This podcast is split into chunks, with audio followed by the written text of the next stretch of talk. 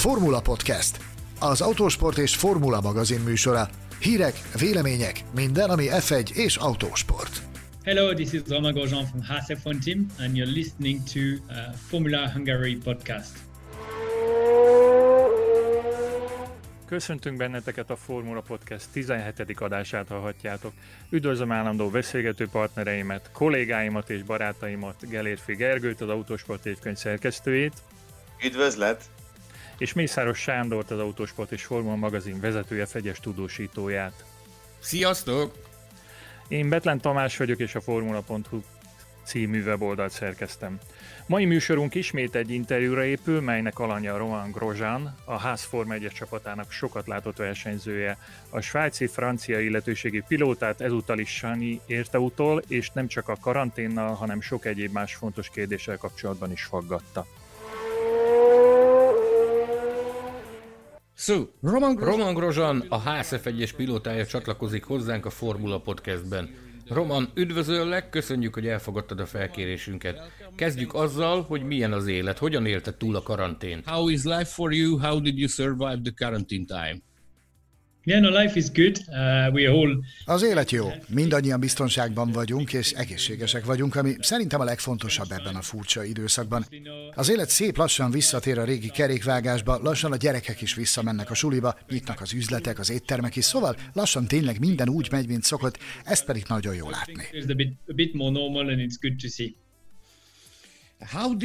Mennyire nehéz felkészülni erre az előttünk álló szokatlan szezonra ilyen nehéz körülmények között? of environment?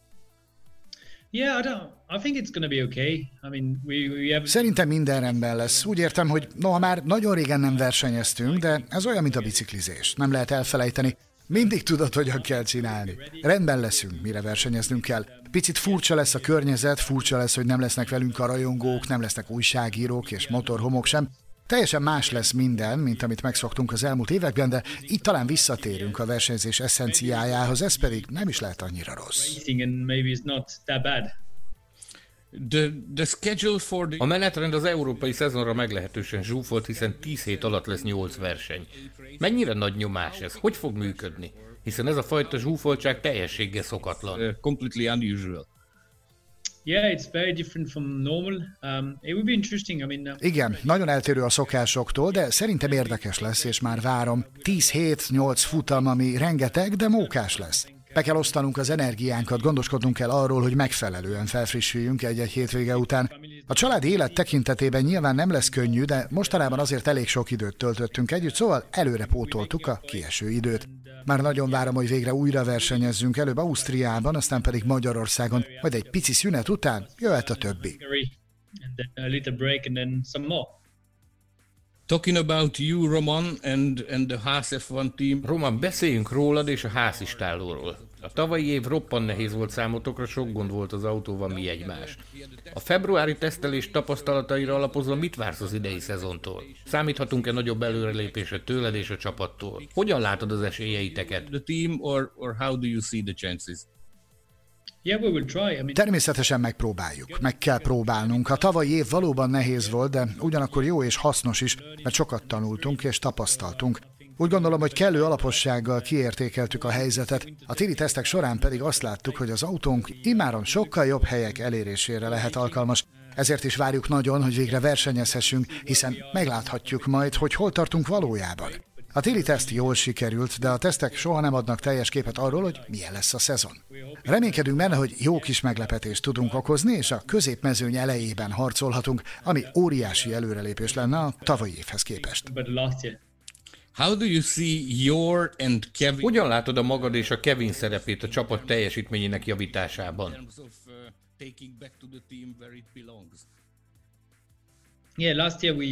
Tavaly már rögtön az elején jeleztük a csapatnak, hogy a dolgok nem olyan irányba haladnak, ahogyan szeretnénk.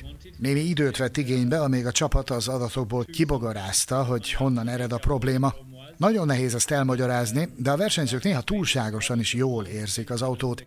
Ez azt jelenti, hogy megérzünk olyan dolgokat, amelyeket nem nagyon lehet az adatokban sem látni, ha csak nem ássunk nagyon-nagyon mélyre azokban. Mint mondtam, tavaly a csapat egészen mélyre ásott, sokkal jobban megértették az autót, azt, hogy mi történik, és azt is, hogyan tudnánk jobban teljesíteni.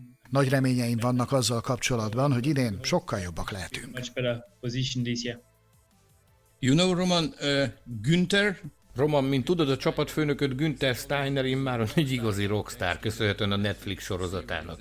Sok-sok olvasónk és hallgatunk kíváncsi arra, hogy milyen vele a közös munka. Ezt a kérdést senki nem tudja hitelesebben megválaszolni, mint te. Milyen, amikor dühös, milyen, amikor jókedve van, és úgy általában. Milyen együtt dolgozni vele? is the work with him in general? No, he's, he's passionate about racing. Roppant szenvedélyes a versenyzéssel kapcsolatban, és kimond néha dolgokat is, amelyek meglepőek a Forma 1 világában, ahol mindig minden túlságosan és politikailag korrekt.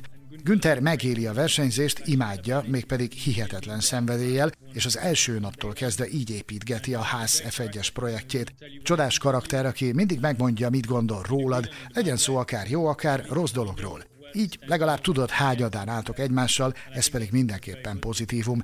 Nagyon jó a kapcsolatunk, ami talán sokak számára meglepően hat, de tényleg nagyon egyenesen beszélünk egymással, nem járunk eltérő utakat, nagyon jól van ez így. Folyamatosan kapcsolatban vagyunk, a karantén ideje alatt is hetente legalább egyszer beszéltünk egymással telefonon, és már nagyon várjuk, hogy végre visszamehessünk versenyezni. I think he's as ready as we are to go back racing. We need po- Jelenleg pozitivitásra van szükségünk, szóval mesélj nekünk légy szíves valami mókás sztorit vele kapcsolatban. with him.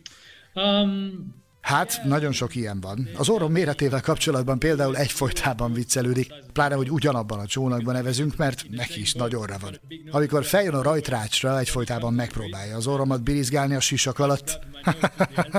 Ezt a sajátos és mókás módját választja annak, hogy a tudtomra adja, veled vagyok, adj bele mindent, legyen jó a versenyed. avoid have a good race. Roman, many things uh, happening. Roman, nagy a jövő és menés a pilóta piacon, a Ferrari és a McLaren már meg is tette a maga bejelentését. Meglepődtél azon, hogy ilyen hamar beindult az üzlet? Már a szezon kezdete előtt? Well before the season. Yes, yes. I wasn't I wasn't expecting it, and I don't think many people were. Igen, igen, nem számítottam erre, és szerintem sokan vannak még így ezzel. Sebastian döntésén nagyon meglepődtem, számomra ez volt az igazi nagy durranás, aztán pedig elindult a folyamat. Tudod, mindenkinek megvan a maga véleménye, ha egyet értünk, ha nem. Most van egy szabad hely a Renault-nál is, amely egy gyári csapat, szóval az a hely értékes. A többiről annyit, hogy várjuk meg, hogy elkezdődjön a szezon, aztán meglátjuk, hogy mihez tudunk kezdeni. And then we can decide and discuss what we uh, what we can do. About talking about you. Are you on the driver market? Te magad jelen vagy a pilóta piacon? Áruld el nekünk, hogy egy versenyző milyen tényezőket mérlegel, amikor érintett ebben a körforgásban és keresi a karrierje következő lépését. Step in your career in general. Yeah, well, I think, yes, I am. I'm, my contract finishes at the end of the year, so yes, I will be on the market. Uh, Igen, én is ott vagyok a piacon, mert a szerződésem a szezon végén lejár. Szerintem minden azon múlik, hogy pályafutásodnak milyen szakaszában jársz. Amikor fiatal vagy, tapasztalatokat akarsz szerezni, jó magam viszont már sok tapasztalattal rendelkezem, álltam már dobogón az F1-ben, szóval a pályafutásom előttem álló részét ideális esetben egy versenyképes autóban szeretném tölteni. A karrierem eddigi része nem alakult túl rosszul, a Renault-nál és a Lotusnál jó autóim is voltak, majd csatlakoztam a házhoz, amelyről tudtam, hogy komoly kihívás lesz, hiszen egy vadonatúj csapat volt. A velük töltött eddigi öt évben szerintem egész jók voltunk. A jövővel kapcsolatban, nos, sok múlik a csapat stabilitásán, azon, hogy a krízis után milyen lesz az anyagi helyzet. A szabályok is változnak, amitől azt remélem, hogy a kisebb csapatoknak több esélye lesz arra, hogy jobb pozíciókért harcoljanak. Bízom benne, hogy nem csak a Mercedes, a Ferrari és a Red Bull lesz dobogó esélyes, mert akkor egy idő után ez egy picit unalmassá válhat. Nagyon jó lenne, ha a Racing Point, a Toro Rosso, a McLaren, a Haas, vagy épp az Alfa Romeo is harcolhatna alkalomattán dobogós helyezésekért. Szerintem ezt a rajongók is imádnák, szóval bízom benne, hogy így alakul majd. Nyilvánvalóan azt figyeljük, hogy merre halad a csapat, hogy előrelépés vagy megtorpanás várható, és ennek fényében kell döntenünk. Uh, in terms of rankings? And and then you make a decision. When you need a good step in terms of, of future, Amikor a jövőre nézve megfelelő lépésre van szükséged, ahhoz nyilvánvalóan kell egy fantasztikus menedzser is. A te menedzsered valóban remek ember, Martin Reis, aki ráadásul Magyarországon él. Mesélj nekünk róla, milyen a kapcsolatotok? Vannak-e nagy sztoriaitok együtt, milyen vele a közös munka? Or or how the work together is going on. Yeah, I mean we've we've been working together for some years now, since 2014. Igen, néhány éve már együtt dolgozunk, egészen pontosan 2014 óta. Martint egyébként 2007 óta ismerem, szóval elég régen igazi partnerek vagyunk, együtt dolgozunk, megvannak az erősségeink és a gyengeségeink, de nagyon jól kijövünk egymással. Mindig azon vagyunk, hogy megtaláljuk a legjobb megoldást az összképet nézve. Martin egy nagyon-nagyon szórakoztató személyiség, és sok sztorink van a múltból. Egyszer például Oroszországban voltunk, ahol a vacsora után ittunk egy picike vodkát. Egyszer csak megszólalt, figyelj, az oroszok így isszák a vodkát. Lehúzta, majd eldobta a poharat a háta mögé, pont úgy, ahogyan 20-30 évvel ezelőtt csinálták. Abban a pillanatban dobtak is kifelé bennünket az étteremből, de te is jól ismered, Martin már csak ilyen. Vele mindig móka and uh, that's Martin, you know. Uh, always fun. Have you ever Jártál már nála kőszegen a családi otthonukban? Yeah, I did. I did. Very, very beautiful. Um, you know, Igen, igen, jártam. Nagyon szép hely. Majd meglátjuk, hogy mi lesz a helyzet az ausztriai futamok után. Ha nem engedik, hogy hazamenjünk, lehet, hogy a budapesti futam előtt újra elmegyek hozzá, és meglátogatom őket. Nagyon szép az a régió, a hely is nagyon szép. Egyébként Magyarországot tényleg nagyon szeretem. Voltak ott jó versenyeim, a pálya nagyszerű, és a város is csodálatos. Tényleg nagyon várom, hogy végre újra ott versenyezzünk. Have you ever tasted the Hungarian food? Kóstoltál-e már magyar ételeket? Tudjuk rólad, hogy szenvedélyes szakács, vagy szeretsz a konyhában tenni-venni. Kóstoltad-e már a magyar fogásokat? Tested the Hungarian food? Yeah, I tried. I tried uh, many times. Igen, kóstoltam, kóstoltam több alkalommal is. Picit talán mókás, de szerintem a magyar konyha nagyon hasonló a franciához. A magyar libamáj nagyon híres, akár csak a sertéshúsok és a felvágottak, vagy épp a hidegtálak. A paprikát például egész egyszerűen imádom. A paprikával készülő ételeket nagyon szeretem. Szuper, boldog vagyok minden alkalommal, amikor magyar ételeket fogyasztatok, roppant jó húsokat szoktunk enni.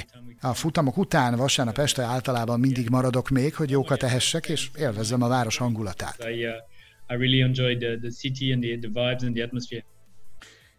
Készítettél már egy szakácskönyvet is. Készül ebből mondjuk második kiadás. Nem tudom, mostanában biztosan nem, mert a karantén a három gyerekkel eléggé nehéz volt így önmagában is. Nem nagyon volt időm arra, hogy a második szakácskönyvön gondolkodjak, de majd meglátjuk. Sok ötlet van. Talán idő is lesz valamikor, szóval meglátjuk. so. Uh, maybe we will see. I have a, um, an advice for you. If Lenne egy javaslatom a számodra. Ha lesz második kiadás, szerepeljen benne a töltött káposzta is. Ez egy igazi, tradicionális magyar étel az ország keleti részéről, ahol én is élek. Nagyon ízletes étel, kóstoltad már esetleg? it's a very, very Okay. lovely, lovely stuff. Have you ever tested it? No, I don't think so. But in the Nem, nem hiszem, de az első szakácskönyvben volt egy hasonló káposztás recept, hússal töltött káposzta, amelynek az elkészítése több óra. de amikor megkóstolod, az csodás. when you eat it, it's beautiful. This is minced meat and rice and A spice. miénkbe darált húst kell keverni rizssel, fűszerrel, ezt kell beletölteni káposztalevélbe. Remek, hidd el nekem. Általában úgy tartják, hogy a magyarok nemzeti étele a gulyás, de hidd el, ez ütős és nagyon finom. Ki kell próbálnod otthon a konyhában Marionnal, a feleségeddel. in your kitchen with, with Marion. Great, cool. What Mi amúgy a család kedvence a te repertoárodból? Um, I think we like pretty much everything. Um, you know, the kids they um, they enjoy Úgy gondolom, hogy mindent szeretünk. A gyerekek nagyon szeretik a finom falatokat, mi pedig mindent megeszünk. Jelenleg épp barbecue szezon van, ami mindig remek. Sok móka, csodás húsok, szószok, ráadásul a kertben elkezdtünk termelni zöldségeket is, így azokat is fogyaszthatjuk. Most még picit hűvös van, ami ront a helyzeten. some vegetables in the garden as well, so we can eat them.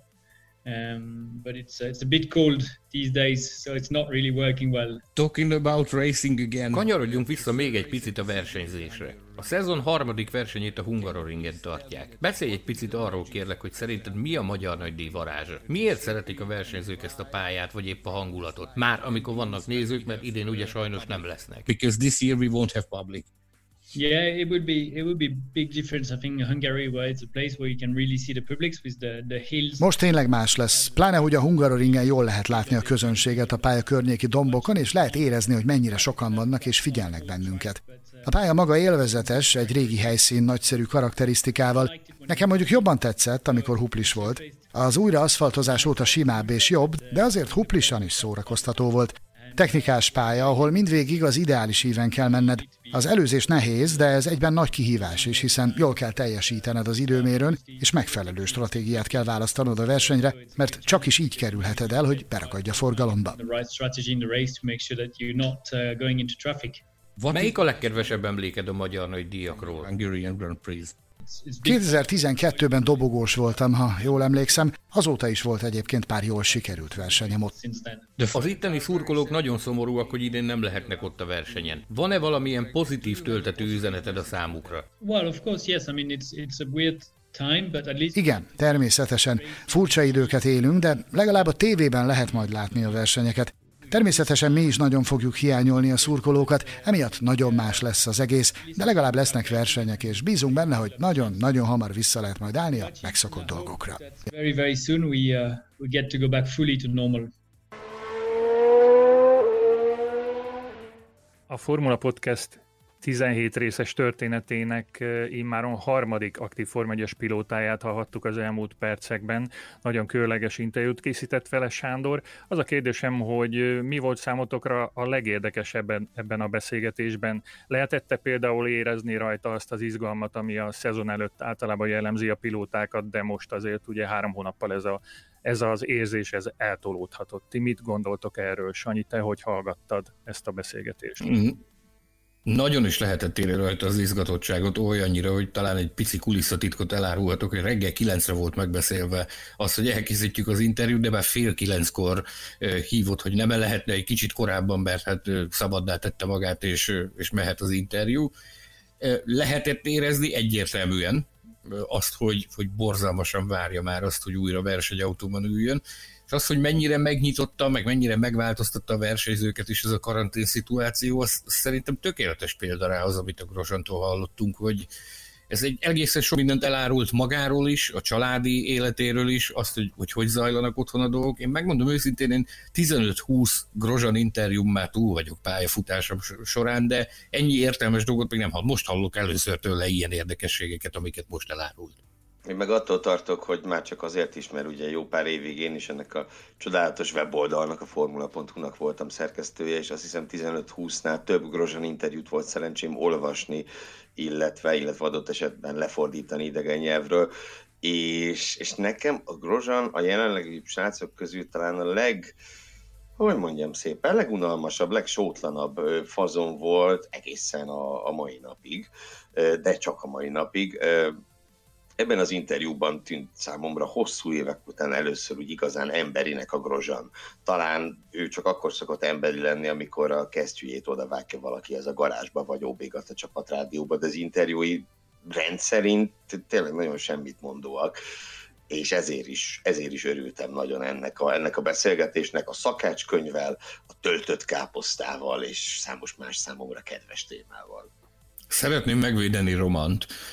Nagyon jó fej ő, meg nagyon színes egyéniség is ő, csak kell az, hogy kell a bizalom, hogy meglegyen a bizalom az újságíró és közötte. Tehát nem lehet az utcáról betoppanva az ő bizalmába beleférkőzni, ennek megvannak a maga okai, hogy ez miért van.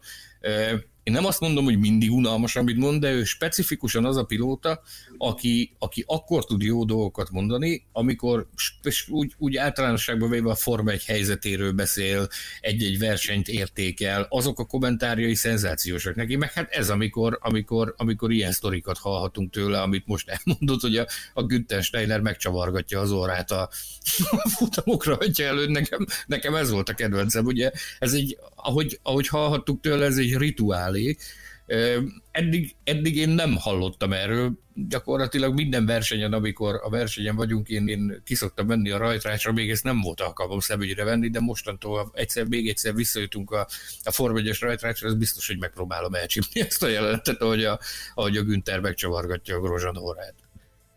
Mondjuk Nekem... azért, ha visszaemlékeztek tavaly nyáron, Günther legalábbis verbálisan nem csak az orrát tekergette neki. Azért nem, nem voltak ők mindig annyira jóban, ahogy emlékszem, legalábbis a, a sajtón keresztül ez, ez így tűnt.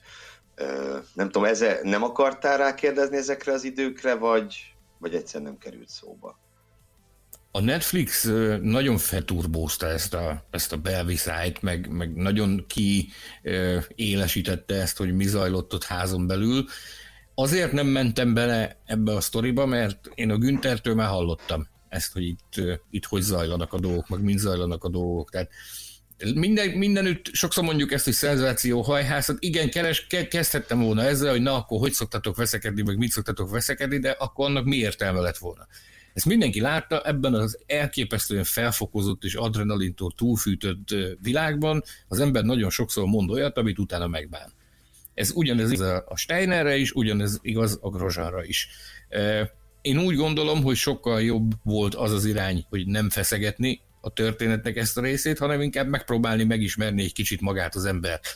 Ezer újságíróból szerintem 999 azt a, azt a vonalat feszegette volna. Én egy picit magát az embert szerettem volna megmutatni ebben az interjúban, hogy milyen ő valójában, mert Nekem eddig nem tűnt fel ezeknek az orméreteknek a fontossága a Forma 1-ben, de, de jó tudni, mert hála Isten a, a, a, az én is megáldott egy, egy méretes orral, úgyhogy jó lesz elkerülni akkor Günther Steinert a jövőben a, a pedokban.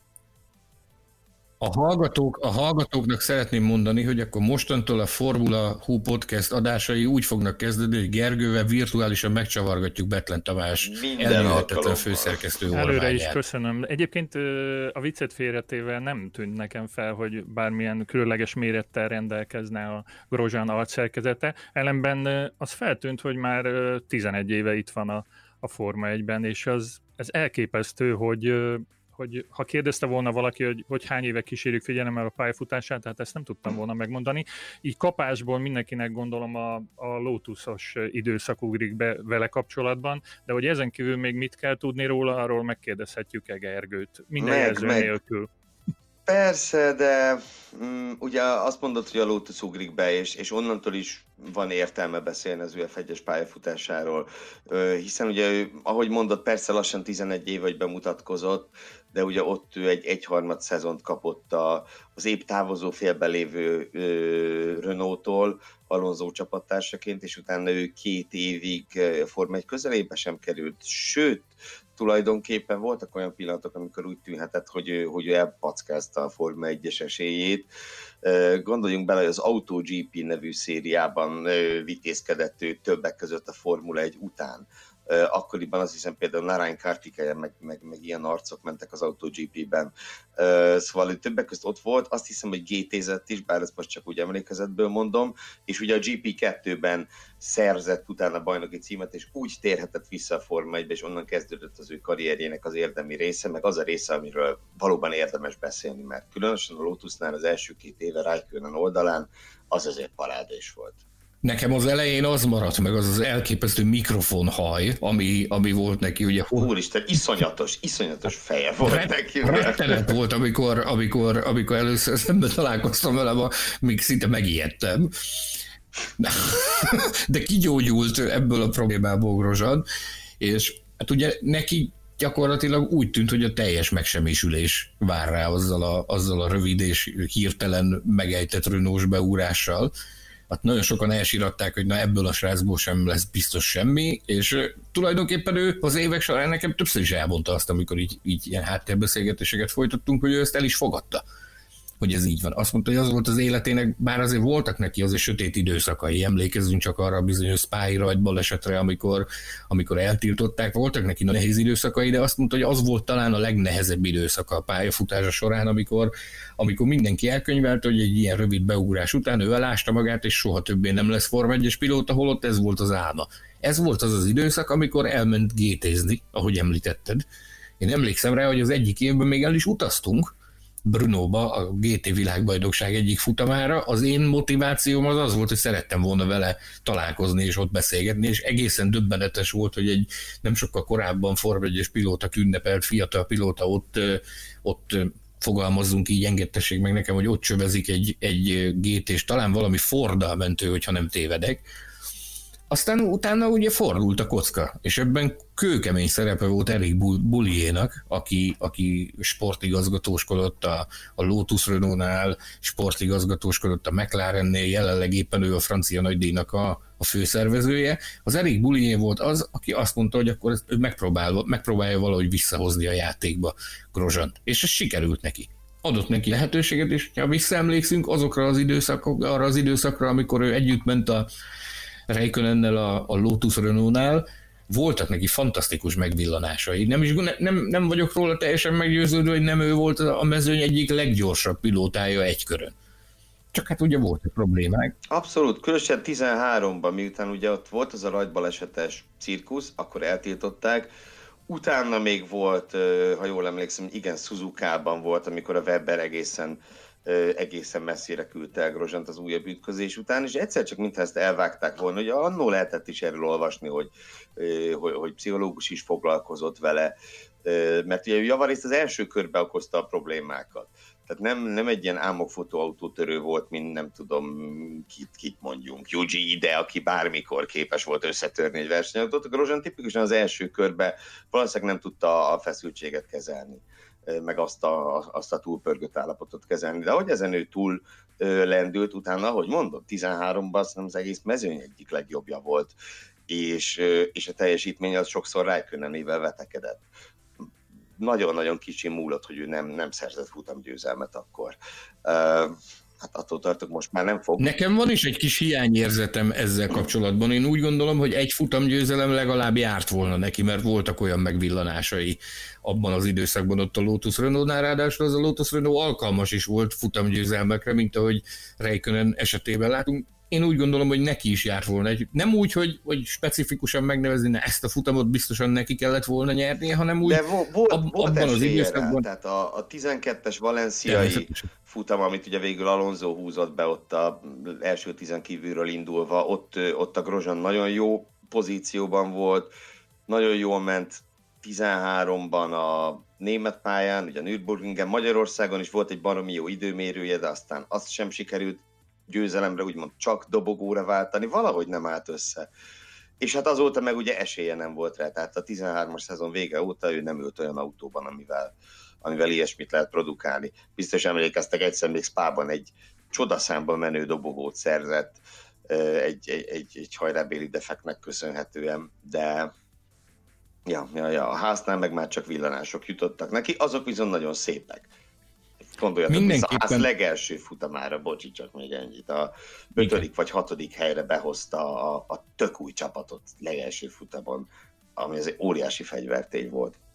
Na, ja. meg nagyon, nagyon fontosnak tartom kihangsúlyozni a Grozsan ö, pályafutásának jelenlegi szakaszában a menedzsernek a, a, a, a kilétét. Nem véletlenül kérdeztem rá az interjúban, Martin Reisnek hívják az urat, aki korábban megfordult a McLaren igazgató tanácsában is, és történetesen nálunk Magyarországon él, egészen pontosan Kőszegen, egy fantasztikus és óriási tapasztalatokkal rendelkező sportmenedzserről van szó, akinek a, a múltban is voltak Forma 1 pilótái, mit nem mondjuk például Andrade Cesaris is a, az ő, pilót, ő pilótái volt, tehát nagyon komoly menedzseri munka kell ahhoz, hogy egy, egy, egy kritikus időszakban egy versenyzőt bent tud tartani ebben az időszakban, és neki ez, ez rendszeresen sikerül. Ez azt mutatja, hogy a Martin Reis egy borzalmasan erős és, és nagy befolyású menedzser. Én nagyon-nagyon biztos vagyok abban, hogy a mi magyarok roppant szerencsések vagyunk, hogy, hogy nálunk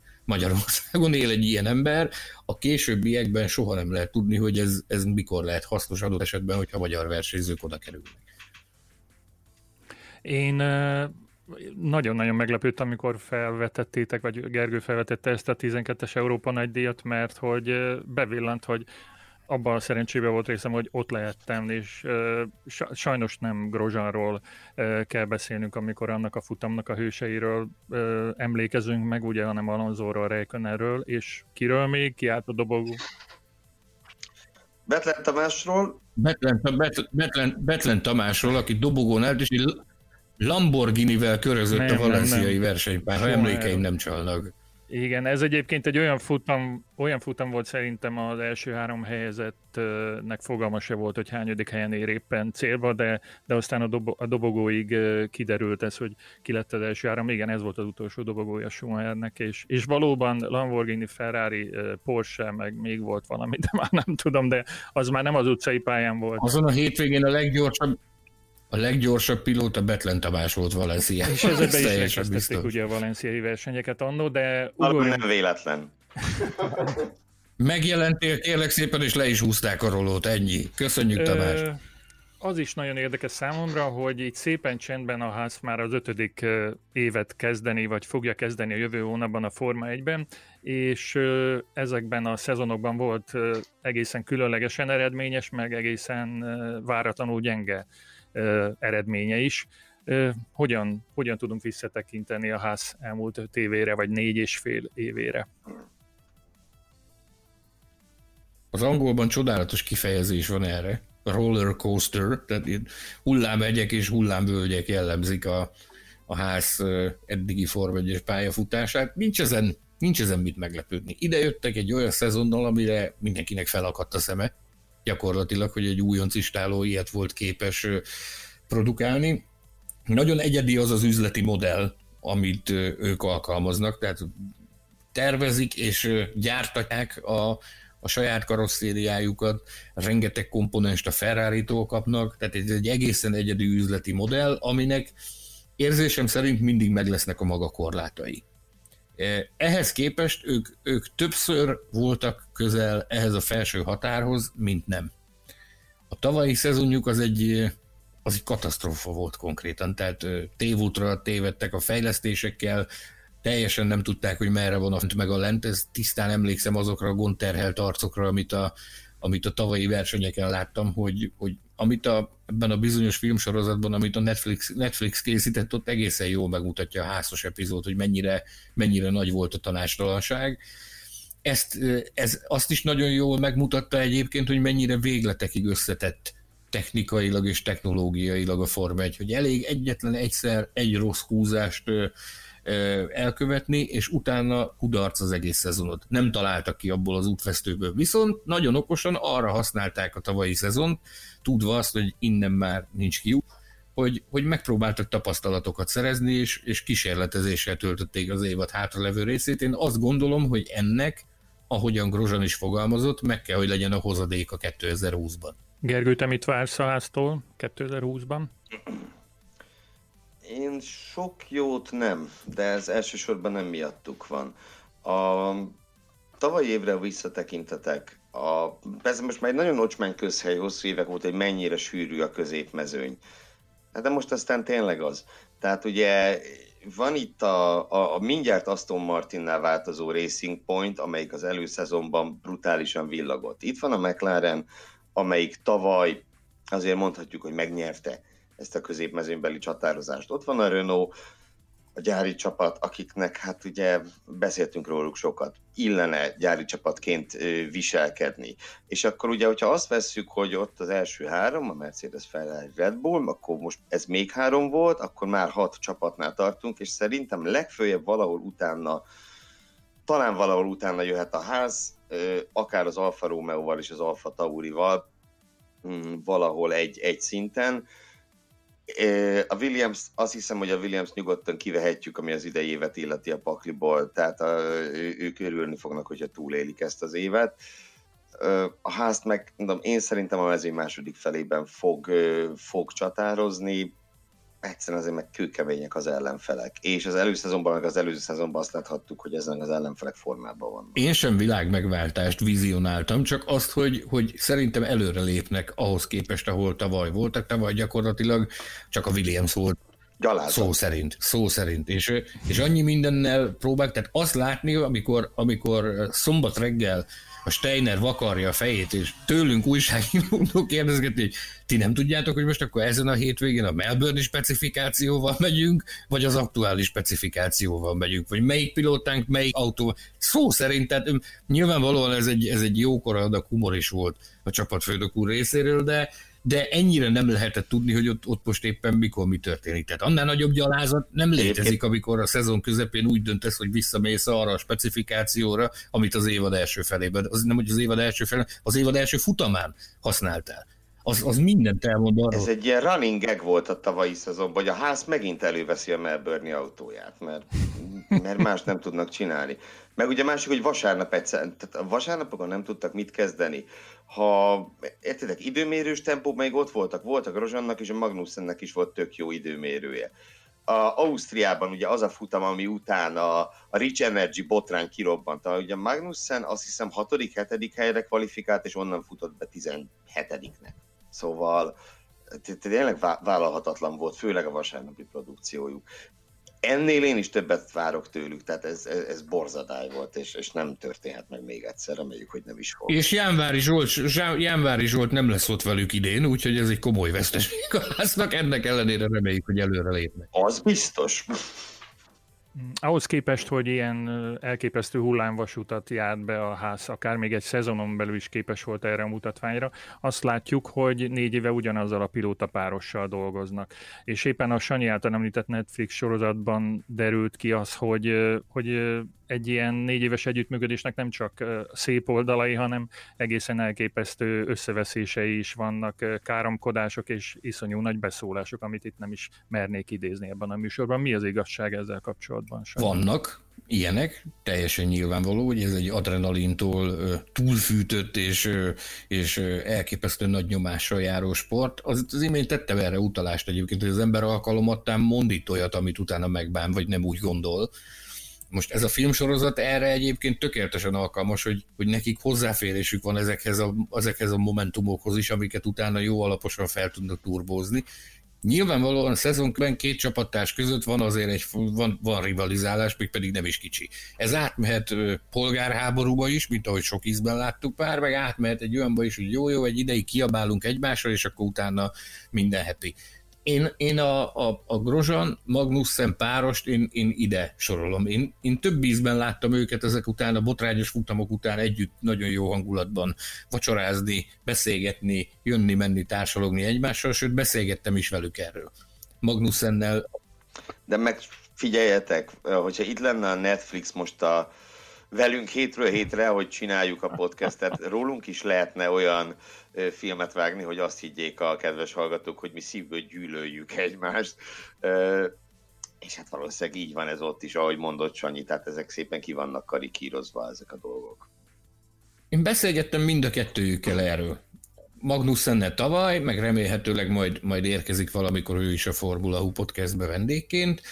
Grozsannal is tavaly is, meg, meg most azért az interjú elkészítése előtt is, után is azért mindig van egy kis, egy kis beszélgetés, hát már egészen régen nem, nem találkoztunk, meg nem beszélgetünk, nem beszéltünk egymással, és egyébként le is nyilatkozták több ízben, úgy a Magnussen, mint a Grozsan, hogy ez, ez fel van, ez fújva egy kicsit, nem annyira vészes ott a, a, be, a, a, a belpolitika, mint amilyennek a külvilág azt gondolja, hogy mennyire nagy veszedelem van, ők egészen jó kijönnek egy. Na ez ö, alaposan megnyugtat, és ez egy kiváló végszó arra, hogy lezárjuk ezt a ö, fantasztikus interjút, amit ismét, ismét Sanyinak köszönhettük.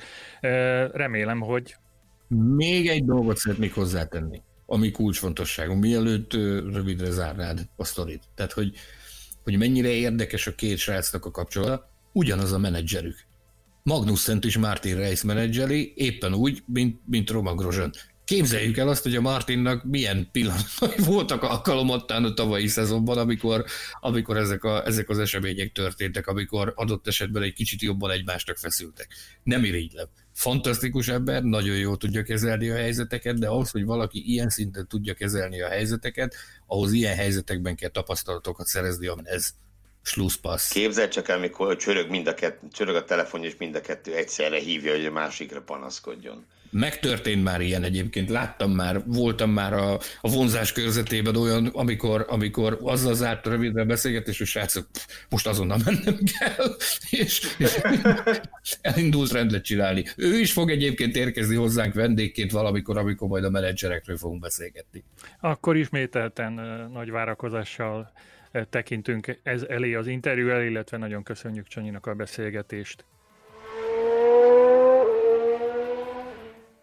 Roham tempóban közeledik a Forma 1-es szezon első nagydíja, amit idén úgy fognak hívni, hogy osztrák nagydíj, július 5-én futják majd természetesen Ausztriában. Milyen várakozásokkal közeledtek ehhez a dátumhoz, illetve mit tudunk egyáltalán ezeknek a versenyeknek a lebonyolítási rendjéről, mennyiben lesznek mások, mint amit eddig megszokhattunk. Sanyi, mesélj nekünk erről, mik a belső információk. Zárt kapus versenyek lesznek, egész Európában sajnos, hát ezt, ezt nagyon szomorúan konstatáljuk. A versenyzők talán örülnek neki, talán nem, hogy, hogy erősen korlátozott lesz a, a média jelenlét is. És ami, ami nagyon érdekes, és ezt Grozan is kifejtette, abban a bizonyos kézikönyvben, amit, a, amit az FIA és a FOM összeállított arról, hogy hogyan kell lebonyolítani ezeket az átkapus versenyeket, ez deklarálja, hogy motorhómokról sem eshet szó, tehát nem lesznek motorhómok, hanem egyfajta ilyen konténerépületeket kell használnia majd a, a, a csapatoknak, amiket a pályák építenek fel. Az én információim szerint ugye a Pedok Klub, ami gyakorlatilag egy, egy gigantikus luxus étterem minden versenyhelyszínen, a Pedok Klubot fogják majd használni étteremként, tehát ott lesznek jól elszeparáltan, ott lesz majd lehetőség a csapoknak a, a személyzet étkeztetésére. A social distancing, azt itt is, amennyire csak lehet, azt erőltetni fogják, a maszkviselést erőltetni fogják, mindenféle olyan óvintézkedést, amit a, amit a hétköznapokban tapasztaltunk az utóbbi hetekben, az itt mind meg lesz mindenkinek megvannak a maga aggájai ezzel kapcsolatban, hogy például hogy lehet egy autón, amikor egy-egy porcikájához csak centiméterekre lehet odaférni, hogy ott hogy social distancing amikor, amikor kette-hárban próbálnak, próbálnak oda valahogy befolyni a járműhöz, ez, ez biztosan nem lesz egy egyszerű történet. Nagyon izgatottan várom, az biztos, hogy nagyon furcsa hangulatú esemény lesz szurkolók nélkül. Mondjuk média... nélkül, bár kartonszurkolók ugye lesznek, most ez a legfrissebb hír, azt hiszem, hogy a Silverstone-ban ez merült fel. Foci meccsemmel láttam ilyet, elképesztően bizarr látvány. Nem annyira, mint amit azt, nem, azt hallottátok? Azt hiszem korábban, vagy hogy csinálták, hogy szexbabákat raktak ki a nézőtérre? Hogy ne foci meccsen, azt hiszem korábban volt, na remélem idáig nem jutunk el, de én ezeket a kartonszurkolókat is olyan nem tudom, olyan, olyan hülyeségnek érzem. Tehát most ha üresen lelátó, akkor üresen lelátó papírmasi emberektől, nem tudom, Hamilton nekik csak nem fogja azt mondani, hogy ti vagytok a legjobb szurkolók, gondolom. Vasárnap, vasárnap volt alkalmam megtekinteni a Ferencváros Diósgyőr című labdarúgó mérkőzés 9 órától. Hát majd, hogy nem horrorba torkoló mérkőzés, de csak három gólt kapott a Diósgyőr, úgyhogy ez is valami, viszont a szurkolók valóban papírmaséból voltak elkészítve, és három, három papír szurkoló ült egy, egy-egy valódi szurkoló között, úgyhogy van fogalmunk arról, hogy ez hogy nézhet ki. Engem az érdekelne még mindig a Sanyit, hogyha faggathatom, hogy te miben látnád? Én szeretnék megnézni egy labdarúgó mérkőzést papír Betlen Tamásokból, ahogy tele van velük a stadion. Ez, ez minden vágyam jelen pillanatban. Vagy esetleg a labdarúgók helyett is papírmasé figurák legyenek, ezt is megfontolnám. Na, Tamás, kérdezz a Sanyitó, egy rosszak. Mm, egyébként ö, zárójelben nem nagyon értem, hogy egy, egy negyes stadionnyi szurkoló bemelt mondjuk egy futballmérkőzésre, akkor vajon miért nem lehetne be egy Forma 1-es sokkal nyitottabb térbe ugyanennyi Forma 1 szurkoló, de ez csak költői kérdés természetesen. Szerintem ez egy olyan kérdés, aminek kitárgyalása nem ennek az adásnak a Én, én azt gondolom, hogy tudjuk erre a választ, nagyon egyszerű. Ugye a Forma 1 egy nemzetközi közösség. Több országból érkeznek, tehát maga a jellege, tehát azok, akik egy magyar labdarúgó találkozóra elmennek, az, az jellemzően abból a, abból a közeg, egy sokkal szűkebb közegből kerül ki, az a, az a szurkolói bázis. Viszont amikor a Form 1 megindul, még így lebutítva is kevesebb személyzettel, mondjuk egy ezer fő személyzettel megérkezik, azok között aztán mindenféle ember találunk, tehát, tehát sokkal több irányból érkeznek, ezért próbálják szerintem az egészet még jobban szeparálni, amennyire csak lehet. Ez, ez nekem ez a meglátásom. Tehát, hogyha azt mondod valakinek, hogy akkor Form 1 nagy díjat lehet rendezni nézőkkel, de csak, de csak magyarokkal, hát nyilvánvalóan jó lenne, jobb lenne, mint ami, mint ami most van, de ez van, fogadjuk el, ahogyan, ahogyan több embertől is hallottam, így legalább az a, a televízióban láthatunk versenyzést, ami sokkal jobb annál, mintha egyáltalán nem láthatnak versenyzést. Szenvede kárt? Ezt akartam az előbb kérdezni a, a, a médiának a a megnyírbálása. Tehát, hogyha mondjuk negyed annyi újságíró lesz csak jelen, akkor, akkor is ugyanilyen mennyiségű hírözön és ugyanilyen minőségi információ fog el ránk ömölni, ömleni a, a versenyek közben, alatt, után, előtt. Hivatalos döntés és hivatalos tájékoztatás mostanáig ezzel kapcsolatban nem érkezett, de hát az embere, a, ez a sorsunk, hogy ezzel foglalkozzunk, hát próbáljuk megtudni, hogy mi, hogy mi ránk. Próbáltam tájékozódni a, a saját forrásaimból, hogy akkor ez hogy is fog működni. Egyébként most ezen a héten van egy, egy média munkabizottsági ülése az FIA-nak, ahol nagy valószínűség szerint döntés születik ezzel kapcsolatban. Amit én hallottam, a legutóbbi koncepció az az, hogy egy, egy, egy végtelenül lebutított létszámú média kontingens jelen lehet, ez nagyságrendileg egy ilyen 10-15 újságírót jelent, őket talán megpróbálják úgy összeválogatni, hogy, hogy azért, azért a fontosabb országok reprezentálva legyenek, lehetőség szerint szenior újságírókkal, permanens akkreditációval rendelkező újságírókkal, viszont ha minden igaz, akkor, akkor ez úgy fog működni, hogy nem a saját sajtóorgánumának fog dolgozni az adott újságíró, aki bebocsátást nyer a Form 1-es nagydíjra, hanem egy nagy közös kalapba, amit, amit leadnak az FIA-nak, a FOM-nak, ők pedig, ők pedig megpróbálják ebből az összegyűjtött anyagnyiségből kiszolgálni a világ sajtót. Tehát egészen érdekes, egészen érdekes ö, ö, lesz az, ahogy a, ahogy a Form 1 sajtó működni fog. Egyelőre én úgy tudom, hogy ez az európai versenyekre vonatkozik, hogy a távoli versenyekkel kapcsolatban mi lesz, vagy hogy ezt hogy fogják lebonyolítani média szempontból, ez még egyelőre a jövő zenéje hiszen még azt se tudjuk, hogy hol lesznek ezek a távoli versenyek, melyik Így országban, hány lesz. Ugye Bahreinben, Kínában, Szocsiban felmerült egyaránt, hogy kettő lesz, bár az Isten óvjon meg mindenkit a két orosz nagydíjtól. Ez csak úgy zárójelben, tehát a koronavírus nem végzett a világgal, akkor majd két Szocsi futam fog de, de na szóval... Ne szóld le a Szocsi futamot, Alex Titov, aki a Szocsi futam promótere és rendezője, egy tüneményes jópofa ember, aki nagyon szereti, nagyon szereti a Formula magazint, egyetlen szót nem beszél magyarul, de a jó indulatát, a támogatását és a segítségét én folyamatosan érzem. É. És terepraliban is versenyez, és, és egy tündérpofa. Én ezek mérhetetlen örülök, de az ő tündérpofaságától az a versenypálya nem lesz izgalmasabb sajnos. De most már kezdek örülni, hogy nem beszél magyarul. Na, ugorjunk is akkor. Igen, evezünk tovább egy következő témára. A múlt héten már említettük azt, hogy a Renault és a Williams pénzügyi problémákkal küzd, aztán engem megnyugtattatok, hogy a, a Renault ö, sikerült Renault-nak sikerült megtalálni a maga vágányát, és őket nem fenyegeti veszély, viszont a Williams házatájáról még mindig különböző problémákról, leginkább monetáris problémákról érkeznek hírek. Mi a, a legfrissebb információ változott-e a helyzet egy hét alatt? Hát erről ö, tulajdonképpen sokat nem lehet tudni, legalábbis ö, egyelőre. Azon kívül, hogy legyeskednek a befektetők ö, a Williams körül, ahogy azt sejteni lehetett. Ö, tehát a Twitteren, és, és, és hasonló online felületeken azért lehet olvasgatni különböző ezt, azt, amazt arról, hogy mi lesz a williams. Volt egy nagyon jó kis megnyilatkozás a minap arról, hogy a Williams sorsa teljesen egyértelmű, valaki meg fogja venni a kisfiának. Nyilván itt egyértelműen a, a Lawrence Stroll féle manőverre utalva, valamint a Williams körül érdeklődő Mazepin úrra ö, utalva vagy a Latifi családra. Vagy a Latifi családra, így van, így van, így van. A Williams Latifi Racinget is láthatjuk már lelki szemeink előtt, vagy legalábbis barátkozhatunk a gondolattal.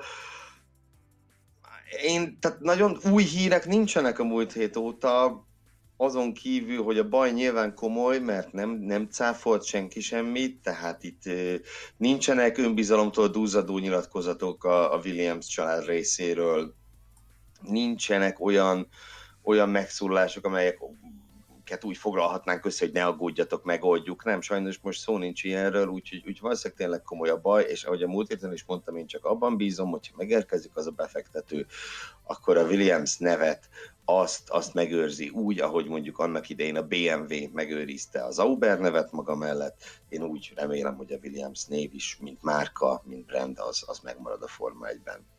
De van egy olyan sandagyanom, hogy a Sanyi többet fog erről tudni mondani nekünk. A nemzetközi sajtóban olvashattunk egyébként arról is az utóbbi napokban, hogy Toto Wolf 5%-os tulajdonjogot szerzett a Williams istálóban is, amit eh, nyilvánvalóan ugye az ilyen kérdéseket mielőtt ezekről cikkezünk, vagy vagy, eh, vagy, vagy ezt állítjuk a, a világ előtt, azért megpróbálunk utána járni.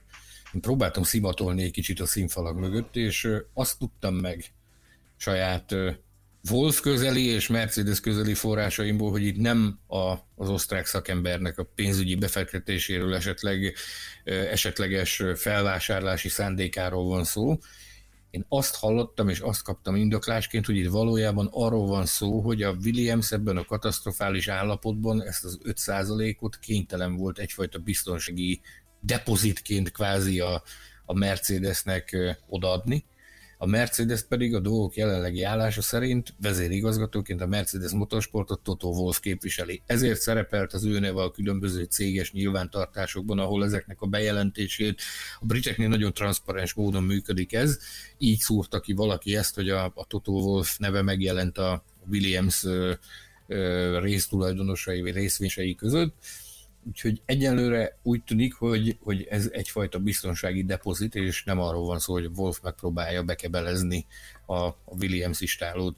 Ami viszont ennél az, miért, az már most, de tőle is sok lett volna kicsit. Tehát ugye a Mercedes és az Aston Martin után, hogy egy harmadik Forma 1 csapatban is tulajdon része legyen, nem tudom ilyesmire volt-e példa valaha.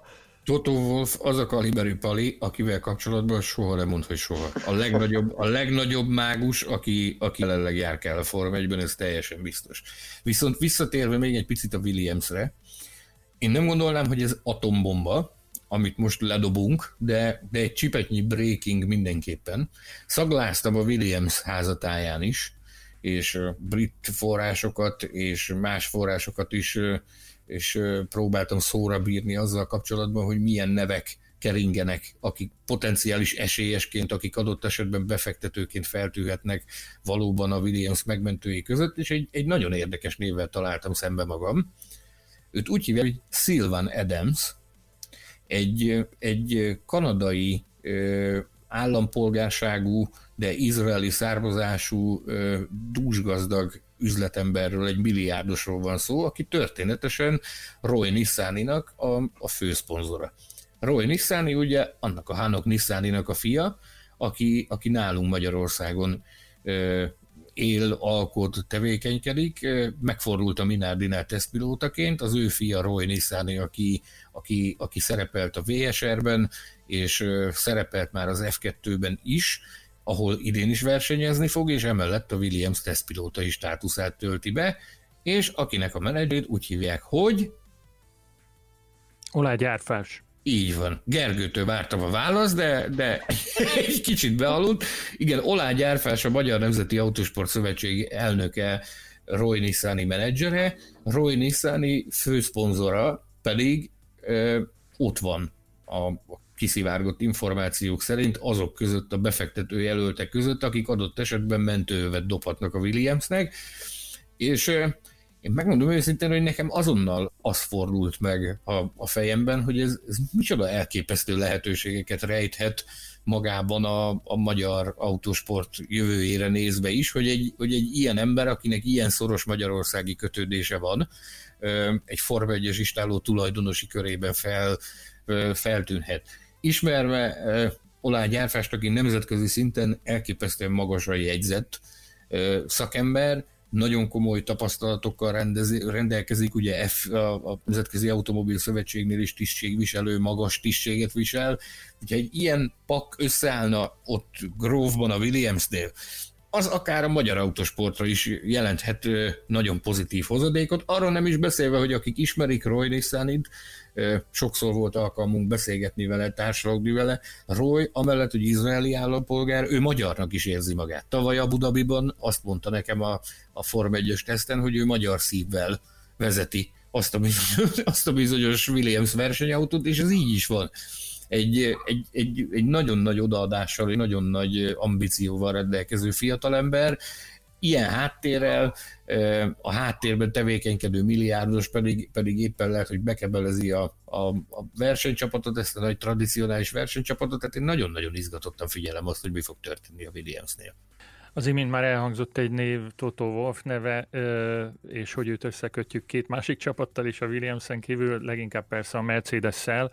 Az a kérdésem, hogy mi van, mi történik a Mercedesnél manapság, nagyon sokat beszélünk a Ferrari-ról, a, a, a Williamsről, mindenkiről, de, de a, a, az ezüstnyilaknál óriási a csend, vagy, vagy rosszul tudom, azért szivárognak az információk, erről? Meséljetek valamit, légy szíves. Csöpögnek az információk, de ez tényes való, hogy kisé a világbajnok istálóhoz képest méltatlanul elhanyagoltuk a Mercedes-t az elmúlt hetekben, de hát nem volt mit tenni, ugye a Ferrari-nál zajlottak a történések. Olyan történések, amelyek viszont a Mercedes jövőjét is befolyásolhatják. Itt vannak, van, van a Mercedesnél téma, bőven, azt hiszem a legizgalmasabb jelenleg a, a pilóta kérdés. Egyik versenyzőnek sincsen szerződése a jövő évre, Ö, amellett ugye, hogy, hogy Hamiltonnak hát neki sincsen szerződése. Mm, a, a Ferrarihoz ő nem fog elmenni, ezt ugye már tudjuk. Játszadoztunk ezzel a gondolattal valamikor április táján, május elején, hogy lehet, hogy ott köt ki Hamilton, hát nem fog. De ugye a másik autó sorsa az még izgalmasabb. Két név röpköd hetek óta a sajtóban, az egyik Sebastian Vettel neve, a másik pedig George Russell neve, aki ugye a Williams-nél második évét fogja kezdeni, és a Mercedes junior versenyzője. Számomra nagyon érdekes az, hogy hogy e, e, egy név van, akitről nem nagyon hallunk, az pedig Valtteri Bottas. Mintha a nemzetközi sajtó, meg ezek a beszélő fejek, ahogy azt manapság mondani szokás, mert le is tettek volna arról, hogy, hogy Bottas maradhat egyáltalán a Mercedesnél mert te, amit, amit én látok, az az, hogy ez egyre inkább egy, egy Fettel vagy Russell kérdés a, mm, a sajtó számára. És ennek azért mindenféle implikáció is lehetnek. A Wolf kapcsán tartja magát a szóbeszéd, hogy nem biztos, hogy a Wolf a Mercedes gyári csapatának főnökeként fogja folytatni. És van olyan elképzelés is, amely szerint a töréspont az maga Sebastian Fettel személye lehet. Sanyi, szólalj meg, könyörgöm. Baromságot mondok, vagy... Nem, nem, nem. nem, nem, nem, nem. még válaszolsz, hadd had kérdezzek egy nagyon picit bele ugyanebbe, hogy ha, ha szerinted, ha Wolf távozna valaha, vagy a közeljövőben, vagy a távoli jövőben a Mercedes-től, az, az érinthetné az eredményességét a, a, a csapatnak? Én azok közé tartozom, akik váltig állítják, hogy igen. Én, én, én, én ezt írásba is adtam gyakorlatilag a Száguldás és Cirkusz című könyvben is, van erről nagy anyag, a magazinban is írtam erről, tavaly egy nagy anyagot magyar internetes más portálokra is írtam erről. Én azt gondolom, hogy a Mercedes jelenlegi sikerszériájának az a fő letéteményes a Toto Wolff aki valami olyan egyedi stílusban és olyan különleges érzékel irányítja ezt az istálót, ami nélkül biztos, hogy nem lennének ennyire eredményesek, én ebben teljesen biztos vagyok. Száz százalékig, szent meggyőződése. Én azt gondolom most... Abszolút egyetértek, és pocsi, de ennek azért például van történelmi párhuzama is, hogyha emlékeztek egy ilyen kis alacsony csücsörítő franciára, Zsantot, hogy meddig volt a Ferrari élén, 2008-ig. Igen. Mikor nyert a Ferrari bármit utoljára, bármilyen bajnokságot 2008-ban. Mióta ő lelépett, semmit. Előtte 99-től 2008-ig, meg majdnem minden évben nyertek valamit. Nem minden, de majdnem. Szóval, ja, ennyit, ennyit tud számítani egy csapatfőnök személye. Akivel én párhuzamot vontam Wolf esetében, az Flavio Briatore, aki szintén az üzleti életből érkezett gyakorlatilag kvázi nulla versenyzéssel kapcsolatos tapasztalattal. A Wolfnak meg volt az a, az a sansza, hogy ugye a Williamsnél befektető volt, illetve ő maga is versenyzett, és volt egyfajta érdeklődése a versenyzés iránt, de, de a, a pályafutásának az elejét nézzük, túlzás nélkül mondhatjuk ő is, hogy az utcáról nyitott be a Forma 1 és csinált magának ekkora karriert, és ott is megnézhetjük a Briatore esetében. A Briatore távozott, Renault kaput úgy, hogy semmilyen értelmes eredményt nem tudtak elérni.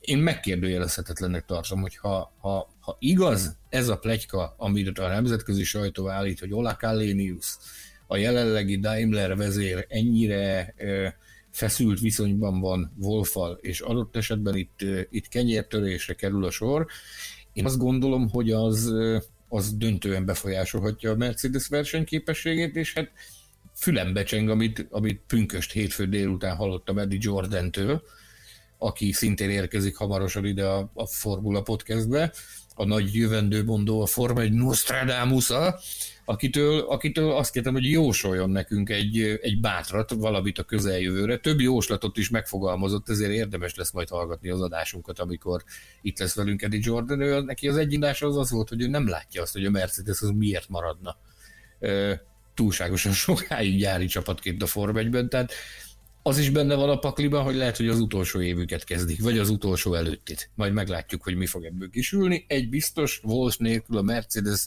szerintem nem lenne ugyanolyan, mint amilyen most. Ezzel teljesen egyetértek, amit pedig Jordan től idéztél. Igen, itt ugye az a tehát nem feltétlenül egy teljes kiszállásról van szó, egyszerűen csak visszamennek motorszállító, visszavedlenek motorszállítóvá, ez is benne van a pakliban, és van nekik két nagyon erős partnerük pontosabban jövőre már lesz két nagyon erős partnerük, az Aston Martin meg a McLaren.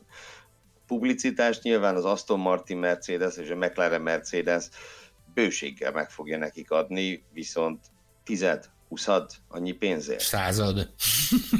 Század, sőt, még, Század. még keresnek is vele, mint, mint ügyfelekkel. Tehát az, azért szokták azt mondani, hogy jó, akkor menjünk vissza motorszállítóba, mert az, az, az gyakorlatilag bejövő manit jelent nem pedig súlyos kiadásokat, több száz, vagy adott esetben 1500-an dolgoznak, 2000 a, Mercedes gyári csapatánál, tehát mindenképpen izgalmas ez, hogy mi fog történni. Ami a, a, a pilóta kérdést e, érinti a csillagosoknál, a pilóta kérdést illeti, amit forszíroztál az előbb, Gergő, tehát mintha egy kicsit e, megpróbálnák e, a világ sajtóban kiírni a Mercedes-es köztudatból Valtteri Bottaszt, ott a, a egyes sajtóorgánumok őt már el is szerződtették például a Renaulthoz.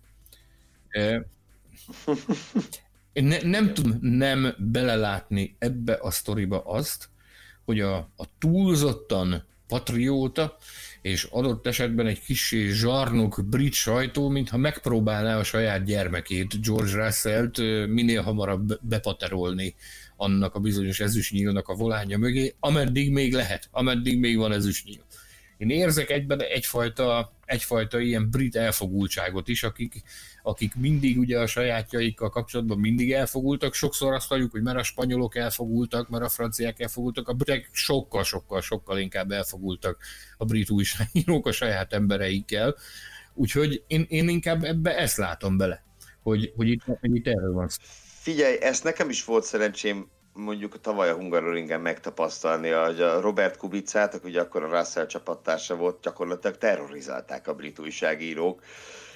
Egyrészt a miért vagy ennyire lassú típusú kérdésekkel, másrészt pedig ugye szinte az összes kérdés, amit ők föltettek, az, az, az a Russellről szólt, és a, egy, ilyen, egy ilyen briefingen a Kubic ezt meg is elégelte, és megkérdezte, hogy valaki szeretne esetleg tőle is kérdezni valamit, vagy csak a Russellről beszéljen. Az Austini, az Austini Williams meeting volt az egyik ilyen, amikor gyakorlatilag én voltam az egyedüli nem brit a Kubica sajtóbeszélgetésén, és gyakorlatilag az már tényleg vérlázító volt, amit, amit ott műveltek, és amikor, amikor sikerült oda, oda férkőzni, hogy én kérdezzek, akkor zsinórba dobáltam befelé a, a pozitív, alá kérdeztem a Kubicának és látom, hogy rettenetesen díjazta, a britek pedig teljesen fel voltak háborodva az, hogy hát hogy mer valaki pozitív kérdést föltenni a Kubicának. Soha nem felejtem el, aznap este akkor távoztunk a pályáról, odajött, és megveregette a vállamat, és mondta, hogy köszi. Polák, Vegiert, Vabratanki. Lengyel-magyar két jó barát. Ez, ez, ez, soha nem fogom elfelejteni, tehát mindig is jó volt vele a kapcsolat, de, de az ott feltette a pontot az ire az a bizonyos pályáról való távozás. Azt mondta, hogy ezt, ezt ő már, már egyszerűen már nem tudott azzal a helyzettel mit kezdeni, az elfogult és a saját gyermekét azáltal felemelő brit sajtó, vagy a másikat gyalázzák, és a másikat ostorozzák. Egyébként a brit sajtó volt az, aki ezt szerződtette Valtteri Bottaszt a Renaulthoz, ahol ugye tudjuk, hogy azért a dolgok jelenlegi állása szerint még mindig Alonso van pol pozícióban, a Renault volánért, viszont ez is egy csipetnyi kis információ morzsa, amit, amit most a napokban hallottam eléggé komoly forrásból, hogy ha nem az Alonso, akkor, ha minden igaz, a nemzeti öntudatot erősítve, a francia csapat vezetése nem elképzelhetetlen, hogy Jean-Éric Verny szerződtetése mellé teszi a garas, tárgyalások folynak Verny és a Renault között, hogy ennek mi lesz a végkimenetele, hát nem tudom, de ha ezt figyelembe veszük, hogy az Alonso és a Verny az, akik a legmagasabb szinten tárgyalnak, akkor hova tek a Bottaszt? Ez a Verny sztori nekem nagyon érdekes, meg ez, ez tök új. Annyiból persze értem, amellett, hogy francia, ő a, a folyamatosan erősödő Formula E-t kétszer egymás után megnyerte. És, és azt hiszem ez a, ahogy mondjam, szóval a Formula E presztízsének se tenne rosszat, hogy, hogy megmutatni azt, hogy itt nem csak levitézlet Forma 1-es pilóták versenyeznek, hanem, hanem itt van egy oda-vissza átjárás a két, a két szakák között. Mindenképpen örvendetes lenne. Bár én még mindig Fernando Alonso-t várom oda, hogy mondtak. Remélem, hogy az a pozíció az fog bejönni a Renault-nál. Mindenki azt mondja, hogy neki van a legkomolyabb esélye, viszont ezt egy, ezt egy Renault közeli forrásból hallottam, hogy, hogy meglehetősen sok telefonhívás bonyolódik mostanában Jev és Abitebul csapatfőnök között. Az viszont mekkora lenne franciáknak, ugye ott most azért nagyon komoly megszorítások vannak, állami támogatásról is hallunk, hogy az államhoz folyamodtak segítségért, így meg lehetne mutatni azt, hogy ez egy igazi gal csapat, két francia pilótával, Okonnal, Vernyel, a Renault kiáll a Form 1-ben, érdekes elgondolás. Meg lenne a szépsége. Mindenképp meg lenne a szépsége. De azért Alonzót várod vissza. Abszolút, abszolút. A mesternek vissza kell térnie egyszer. Na szerintem én még egy témát szeretnék itt bedobni, ha Mercedesről beszélgettünk, itt meg nagy visszatérések. Hogy visszatér a Mercedes Le Mans-ba. Ugye itt a, az elmúlt hetekben, itt az adásban is beszéltünk arról, hogy a Ferrari arra készül, hogy majd visszatérnek Le Mans-ba mármint a csúcs kategóriába, hogy ezzel hát mindegy állást, helyet biztosítsanak a Forma 1 feleslegessé váló személyzetnek, akiket a költséghatékonyság miatt már nem, nem tarthatnak meg. És most ugyanilyet lehet a Mercedesről olvasni. Emlékeztek, hogy a Mercedes mit csinált legutóbb Le Mansban, amikor ott jártak? Repültek. Emlékszem. Repültek. Egész, egészen a, a fán Jó. kötöttek ki, hogyha nem tévedek a Mercedesek. Az egyik, igen, igen, az egyik odáig, odáig repült és ugye ők azóta nem, nem próbálkoztak ilyennel. Nagyon-nagyon nagy örömmel látnám ott őket. Ugye a Mercedes most a, a Form 1-ben jelen van, mondjuk úgy, hogy még jelen van gyári csapatként, na majd meglátjuk. Ezen kívül ott van a Formula I, de más igazán komoly versenyprogramjuk nincsen, ugye már a DTM-et is beszüntették.